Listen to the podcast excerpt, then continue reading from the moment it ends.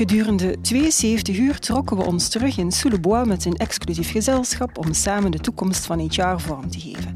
Vijf thema's, vijf rondetafels, voor jou samengevat in vijf podcasts. Voor de gelegenheid in de wijnkelder. Welkom bij HR Uncorked. In deze aflevering attentiebeleid. Het gaat nooit alleen om het geschenk. Oké, we, hebben, uh, we hebben net een heel boeiende ronde tafel achter de rug over een doordacht attentiebeleid, onder andere. En een bedrijf zonder doordacht attentiebeleid is als een dag zonder eten. Je gaat het waarschijnlijk wel overleven, maar niemand wordt er gelukkig van. Wat ik frappant vond, wat aan bod kwam in de, de tafel, is um, er worden in België en in Nederland samen meer dan 100 miljoen bedrijfsgeschenken per jaar opgestuurd. Dat kost heel veel geld, maar met die cadeautjes alleen gaan we het natuurlijk niet maken. Hè. Wat is er volgens jullie dan nog, of misschien vooral nodig, om tastbaar, zichtbaar, voelbaar, concreet te maken dat, uh, dat, dat we mensen waarderen, dat we mensen herkennen? Maar ik denk in eerste instantie om erover na te denken eventjes, de tijd te nemen om erover na te denken, niet een beetje vast uh, weggeraken uit die vastgeroeste uh, gewoontes. Um, ja, even de tijd te nemen om te zien van, oké, op welke manier zouden we dat beter kunnen aanpakken? Uh, welke opportuniteiten laten we vandaag onderbenut? En kunnen we mee aan de slag gaan om toch meer impact te maken? Misschien met bestaande budgetten van 100 miljoen geschenken, dat is heel veel geld. En ik denk dat dat wel beter zou kunnen besteed mhm. worden. Oké, okay, dus even stilstaan bij, zijn we weer wel op de juiste knoppen aan het Kunnen wij het budget dat we nu voor beschikbaar stellen beter, anders inzetten? En waarschijnlijk ook de mensen dan in betrekken om te weten. Ja, ik denk dat het belangrijk is om te luisteren naar, naar mensen, om, om ja, vragen te stellen, niet één keer, maar regelmatig. Om te zien of dat je wel de juiste snaren aan het, aan het raken bent, maar ook om beter te leren um, wat zij verwachten en op welke momenten dat je net meer impact zou kunnen, uh, zou kunnen maken. Um, we, we, zijn ervan overtuigd dat, um, ja, dat het, de professionele carrière, maar ook het privéleven een aaneenschakeling is van, van momenten. En ja, heel veel van, van die momenten die worden vandaag, ja, er wordt eigenlijk niks mee gedaan. En dat zijn echt opportuniteiten om uh, connectie te leggen. En dat hoeft niet altijd gewoon een opportuniteit te zijn, maar gewoon omdat dat ook past bij de waarde van het, uh, van het bedrijf. Laten veel kansen liggen. Wat vinden jullie? Ik denk dat we kansen eigenlijk elke dag uh, laten liggen. Het is eigenlijk in onze normale dagelijkse samenwerking, de manager met zijn medewerkers, dat er ook heel wat moments that matter uh, zijn. En dat moet dan niet met een fancy geboortegeschenk of een uh, zoveeljarig jubileum uh, met een dikke cadeau met een strik rondgevierd worden. Dus ik denk, voelen wat er leeft bij die werknemer, daar aandacht voor hebben, is vragen hoe gaat het? En tonen dat je dat herinnert als manager en daarop inspelen dat dat ook erkenning en waardering is voor wie u dat individu voor u is. Ja, ik volg dat ook, maar ik volg ook wel Jelle ik moet zeggen, na, na uh, het gesprek dat we hadden aan tafel, heb ik ook wel zoiets van, als daar een kader rond gecreëerd wordt, gaan leidinggevenden, die daar misschien niet, ja, niet zo goed in zijn, toch wel meer aanknopingspunten hebben om, om een keer ja, een, een medewerker te waarderen. Dat is iets dat we, dat we zelf ook ontdekt hebben eigenlijk. Hè, van, um, het is niet altijd gemakkelijk om het moment om daar iets mee te doen. In België denk ik, misschien vinden we dat niet zo gemakkelijk om daar iets mee te doen. En wij zeggen altijd, dat klinkt misschien cliché, maar een geschenk is niet, het gaat niet om het geschenk op zich, maar het geschenk is, de boodschap, dat is een drager van een boodschap. En dat maakt het soms iets gemakkelijker. Die persoonlijke context die blijft wel belangrijk, maar als dat kader daar rond gecreëerd is, dan ja, dat faciliteert je dat toch, toch wel. Mhm. Oké. Dus het is een stukje een, een kader. We het vanmiddag ook heel erg over uh, ja, die cultuur. En om den duur gaat dat dan vanzelf gebeuren. En we hadden het over, ja, dat, is een filosofie. En, en we hopen dat het vanzelf gebeurt. De realiteit is dat het zeker niet vanzelf gebeurt. Of toch zeker niet bij iedereen. Uh, en we hadden wel een interessant debat, vond ik, van moeten we dan bijvoorbeeld leidinggevenden gaan verplichten om complimentjes te geven totdat het een gewoonte wordt. Daar was wat animo over. Hoe kijken jullie daarnaar? Wat, is dan nodig om ervoor te zorgen dat, dat het gebeurt? Dat die filosofie verandert in een concrete praktijk op de vloer? Ik, denk dat, er, dat het wel belangrijk is om een soort van beleid rond te hebben. Uh, ze zeggen altijd, ja, onvoorspelbaarheid is iets heel belangrijk. Um, mag niet te, voorspelbaar, te transparant worden. Tegelijkertijd is, um, is het wel belangrijk om die een factor te hebben. Alleen als, je, als het zeg maar inconsistent eh, zal worden, ja, dan zit je ook wel stukken aan het, uh, aan het misslaan natuurlijk, omdat je ehm, dan wordt het misschien bijna willekeur. Komen de zaken als, ja, misschien is het, wordt het oneerlijk. Dus het is wel belangrijk om daar een bepaald kader rond te gaan, te gaan hebben, dat ook door iedereen effectief ook wel in die, in die richting gebruikt wordt. Ik denk als je een beleid van erkenning en waardering wil neerzetten, dan geloof ik niet zozeer in, in vaste KPI's van hey, zoveel complimenten per dag of, uh, of zoveel cadeautjes per jaar. Maar wel dat je eigenlijk uh, top-down een stukje een voorbeeld gaat stellen. Bijvoorbeeld in meetings aandacht geven voor erkenning, uh, daar even bij stilstaan, totdat het een beetje een automatisme wordt. en vooral erop inspelen, allee, bij, bij je leidinggevende. Uh, what's in it for them, what's in it for the company, what's in it uh, voor de sfeer in de groep. Da daarop werken, zodat het eigenlijk intrinsiek iets is wat die leidinggevende graag gaat beginnen doen. Ja. Uh, dus niet moeten, maar geen KPI's. Geen KPI's daar rond. Nee. Maar bijvoorbeeld wel een vast agendapunt. Dus je gaat het eigenlijk een beetje inmasseren in je dagelijkse werking ja. totdat het een ja. gewoonte wordt. Ja, een beetje de gewoonte kweken. En als die gewoonte dan ook een prettige ervaring wordt, waar goede feedback op komt, dan gaat dat wel automatisch goesting geven. Ja. Eentje dat, dat ik wel onthouden heb is uh, don't roll it out, but role model it out. Ja. Uh, dat vond ik wel een... Uh, ja, dat is inderdaad nog met Steven. Ja, klopt. Ja, en, en zoals ik ook gezegd heb, deze middag verbinden. Denk, mm -hmm. verbinding is een heel belangrijke heel dat verhaal. Um, ja, de vraag stelt van, ja, hoe kom je daar? Ja. Dat, dat leidinggevenden ja, gaan, gaan verbinden met mensen. Um, en dan denk ik inderdaad, dat kan een stukje beleid zijn, maar dat kan ook een stukje het uitleggen zijn van welk gedrag is dat dan als je gaat gaan verbinden. Mensen daar gaan coachen um, en daar echt wel een punt van maken. En ik denk als mensen zich comfortabeler vinden, uh, of, of vinden in het verbinden met mensen, dat ze het ook wel automatisch gaan doen. Naast dat kader dat gecreëerd wordt. Um, maar het echt laten leven doorheen, doorheen de organisatie. Ja. Mm -hmm. Oké. Nu, je maakte daarnet ook wel al een linkje, uh, Jelle, naar je moet wel zorgen dat mensen het ook wel als, als, als fair, als eerlijk gaan beschouwen. Um, er zijn natuurlijk op de werkvloer heel veel verschillende generaties, leeftijden, heel veel culturen, heel veel persoonlijkheden samen aan het werk. En als we dat attentiebeleid dan heel persoonlijk en gepersonaliseerd willen worden, hoe gaan we er dan voor zorgen dat dat door iedereen als, als, als fair ervaren wordt en, en dat het voldoende inclusief is?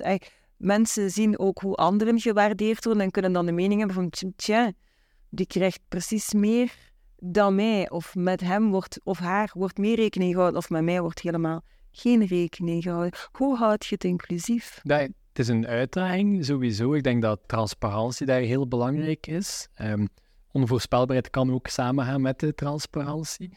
Um, maar het is inderdaad wel een uitdaging. En ik denk dat ja, je zit inderdaad met verschillende generaties op de werkvloer. Iedereen heeft ook andere verlangens en wensen. En ook op welke manier dat zij willen gewaardeerd worden. Daar is, daar is veel onderzoek over gebeurd en met duidelijke verschillen. Um, en ik denk dat om, om daarin tegemoet te komen, is de nabijheid van zeg maar, de gever, de, degene die te verantwoordelijk is voor de erkenning, voor de waardering, um, dat dat heel belangrijk is. Omdat die de, de, de ontvanger het beste kan inschatten, denk ik, van uh, op op welke manier dat die gewaardeerd zou willen worden, um, wat het die verwachtingen is en wat het eraan zou kunnen uh, voldoen. Ja. Ik denk natuurlijk wel, eh, inderdaad, hoe persoonlijker, hoe beter bij zulke zaken. Maar natuurlijk, de size uh, yeah. heeft ook wel uh, zijn uitdagingen. En uit efficiëntie ga je bepaalde zaken wel collectief moeten gaan aanpakken.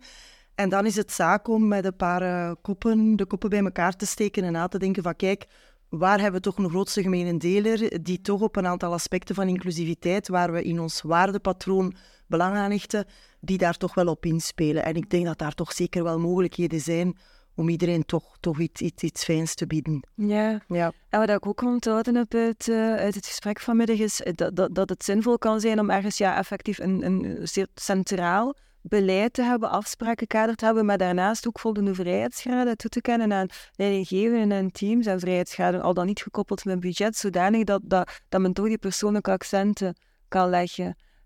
Dat, dat vond ik eigenlijk ook ja, wel, van een sterke. Dit, ja. ja. Dat je toch nog iets persoonlijks ja. Dat niet alleen is van, nou ja, het, het wordt van top-down en, en het is, het is dat, dat de leidinggevende nog, nog de ruimte heeft om, om echt iemand te belonen in zijn team of iets speciaals te doen. En ik vind er er is nog altijd een gunfactor, toch? Ja. Maar ook daar het verschil weer tussen, je hebt het materiële, de materiële beloning, en je hebt het immateriële. En ook in het immateriële kunnen we, kunnen we die moments that matter ook in de verf zetten door het moment te kennen. Als je dicht staat als leidinggevende bij je mensen en je kent dat moment en je toont, ah, daar is iets gebeurd, ik ga er even op ingaan, super, dan heb je connectie. En ook that matter, wat is er belangrijk voor die werknemer? Uh, en, en het hoeft niet altijd materieel te zijn. Nee, we hebben het, we hebben het lang gehad over, over leiderschap, Ja. leiderschap Ja. en het herkennen van die Ja, momenten. absoluut. Wat is belangrijk voor, voor is dat er iets in, in- is dat zich in de privésfeer afspeelt of professioneel? Eh, dat vond ik wel, dat, is, dat is inderdaad een hele duidelijke. ja. We hebben ook eh, geprobeerd om een oplijsting te maken van wat zijn volgens ons de belangrijkste matter. We hebben inderdaad geprobeerd. Dus sowieso denk ik dat we niet tot een checklist of een, of, een, of een rangorde kunnen komen, omdat het natuurlijk voor elke organisatie anders gaat zijn. In de ene organisatie gaat één criterium veel meer doorwegen dan een ander om die prioriteiten te maken. Maar we hebben ook een aantal moments that matter besproken, waar dat we eigenlijk niet zoveel bij stilstaan. Eh, een aantal momenten waar dat je toch een verschil kan maken in eh, hoe dat een medewerker eh, het werk en, en ja, de, het, het bedrijf en de samenwerking met de collega's in het bedrijf en met de leidinggevende ervaart. Zijn er zo een aantal die jullie zijn bijgebleven? Misschien om de podcast af te sluiten. Eentje dat je zegt van, twaalf vond ik eigenlijk... En we misschien ook wel eens mee aan de slag. Goh, wij hebben eh, bij Novartis eigenlijk een, eh, een situatie gehad, een, een droevige situatie, maar dat is ook deel van het leven, eh, waar we vooral het caring aspect hebben in de verf zetten naar Moment That Matter, overlijden van een personeelslid, waar we eigenlijk het hele team dat daar rond zat, was toch wel zeer zwaar geïmpacteerd, begrijpelijkerwijze. En daar hebben wij eigenlijk een, een mentale begeleiding, support voorzien voor het ganse team. En dat zijn ook Moments That Matter, eh, die ik denk het betreffende team wel zeer geapprecieerd heeft. Dus het moet niet altijd over de happy facts of life gaan, maar ook over zaken waar caring als werkgever eh, ook eh, zeer geapprecieerd wordt. Zijn je net zelfs daar? Ja, Ja, absoluut. Ja, Ja. ja. Eigenlijk volg ik dat volledig. Voor mij is dat ook hetgeen dat er naar boven gekomen is van... Ja, om echt te tonen van... Ik zorg voor, mij, voor de mensen. Ehm, als er iets gebeurt... Ik, ik heb het verhaal verteld hè, van mijn mama die, eh, die ziek was. Als er dan aan mij gevraagd wordt van... Ja, hoe is het nu eigenlijk met jou en, hoe is het met je mama?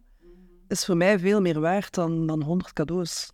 Ja, dat is persoonlijk, maar ik vind dat wel een belangrijke. Ja dat een werkgever daar aandacht aan geeft. ehm, en dat je het gevoel hebt van, ja, die, die, die. Het is niet alleen, het gaat niet alleen om, ja, ik moet presteren, of fun, of, ja, Maar over de mens. Het ja. zijn niet alleen de happy moments, het, zijn, Ja. het is een combinatie van de twee, denk ik. En te veel is trouwens ook nooit goed. Dan, dan verdwijnt eigenlijk het, ja, het gevoel dat je daaraan overhoudt. Maar ik denk dat het wel een kwestie is van, van een aantal momenten daar, daar goed rond na te denken van oké, op welke manier kunnen wij er ook zijn voor onze medewerker? Op welke manier kunnen wij een betere connectie?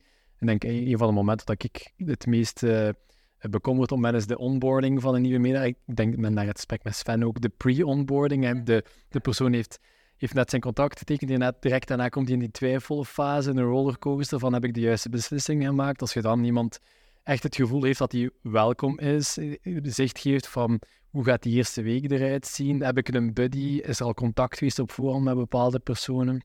Dat lijkt me een heel cruciaal Ja. moment voor een goede start. Ja. Een goede start is half gewonnen. Ja, maar absoluut. En, en we mogen niet onderschatten, we, we focussen natuurlijk heel erg ook op, eh, we, we willen het procesmatig ook wel juist hebben. Dus we, we kiezen een aantal momenten die belangrijk zijn en we willen dat dat proces goed zit. Maar gelijk dat je net zelf aanhaalt, het is de persoon zelf, dat is een rollercoaster. Iemand gaat bij een bedrijf gaan werken, dat is nieuw, maar er is twijfel, zeker als daar een grote periode tussen zit, van ja, dan begint je toch wel onzeker te zijn. Die persoon heeft dan ook zijn ontslag moeten geven in die andere organisatie. Daar op dat moment continu gaan uitreiken en tonen van hey, het is hier echt wel tof en uitreiken, dat vind ik goed. Wat ik eigenlijk, want het, dat, dat, dat is een zeer belangrijk moment, maar soms zit het hem ook in kleine verrassingen. Wat mij is bijgebleven was wat Sophie heeft gezegd. eh, een verjaardag, we verwachten bijna allemaal dat onze werkgever of, of een team een verjaardagskaartje stuurt. En hoe zij het eigenlijk hadden opgevat, daar waren het niet de medewerkers zelf die verjaardagskaartje kregen, maar hun kinderen als ze jarig zijn. Dat, dat vind ik van... Het is hetzelfde idee van een verjaardagskaartje, maar het verrassingselement is heel het thema. Dus dat vond ik eigenlijk... Het hoeft ook niet altijd heel erg Nee. groot te zijn. Het kan soms heel creatief zijn, heel, heel verrassend zijn. En dan wel natuurlijk zorgen dat je een proces hebt dat je geen enkele verjaardag Ja, dat is. Dat echt, eh, Want dan gaat het, wel eh, heel pijnlijk zijn. Goed. Nog takeaways die jullie willen meegeven voordat we de podcast afsluiten? Of eh, moeten ze het verslag maar lezen als ze meer Ik denk dat is een goed plan. Ik denk het ook. het verslag aan te nemen. Nee, ik, denk dat ja, de moments, dat is, dat is hetgene wat het om, om draait. En ik denk dat, dat moest iedereen even een tijd nemen om daar eventjes over, over na te denken. Ehm, out of the box na te denken en zien op welke manier dat ze eh, daar meer mee zouden kunnen doen. Dat zou wel een, een win zijn wat mij Ja, zeker.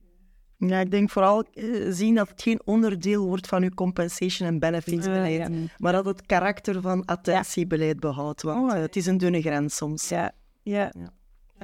Ja, ik vind het ook wel een mooie om een keer met de medewerkers zo'n oefening rond te doen.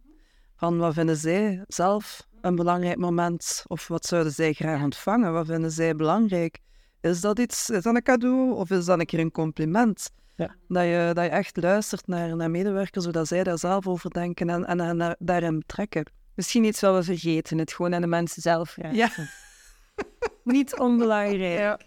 Heel, heel fijn, heel goede tips. En ik, betting on the heart for talent in plaats van competing in the war for talent vind ik eigenlijk ook een hele mooie. Dus, Dat is een positievere kijk. het is een positievere kijk eh, naar de context waarin dat we met z'n allen eh, zitten. Heel fijne podcast. Ik wil je daar dan ook heel erg hartelijk voor bedanken. Graag gedaan. Graag gedaan. Dankjewel ook eh, aan jullie om te kijken of om te luisteren. Ben je benieuwd geworden naar meer weten dan dat je het volledige verslag gaat kunnen lezen in december in ons magazine en uiteraard ook op onze online kanaal. Heel graag tot gauw.